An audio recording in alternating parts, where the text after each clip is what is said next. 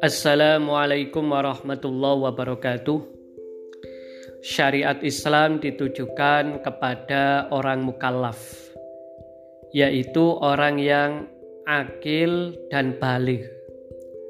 Akil berarti dewasa psikologinya, dia memiliki intelektualitas yang normal, tidak berstatus tunagrahita, yaitu IQ-nya di bawah normal seperti orang idiot.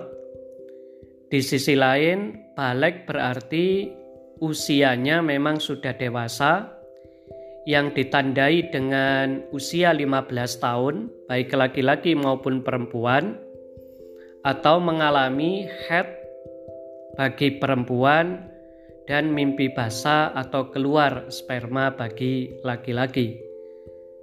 Wassalamualaikum warahmatullahi wabarakatuh.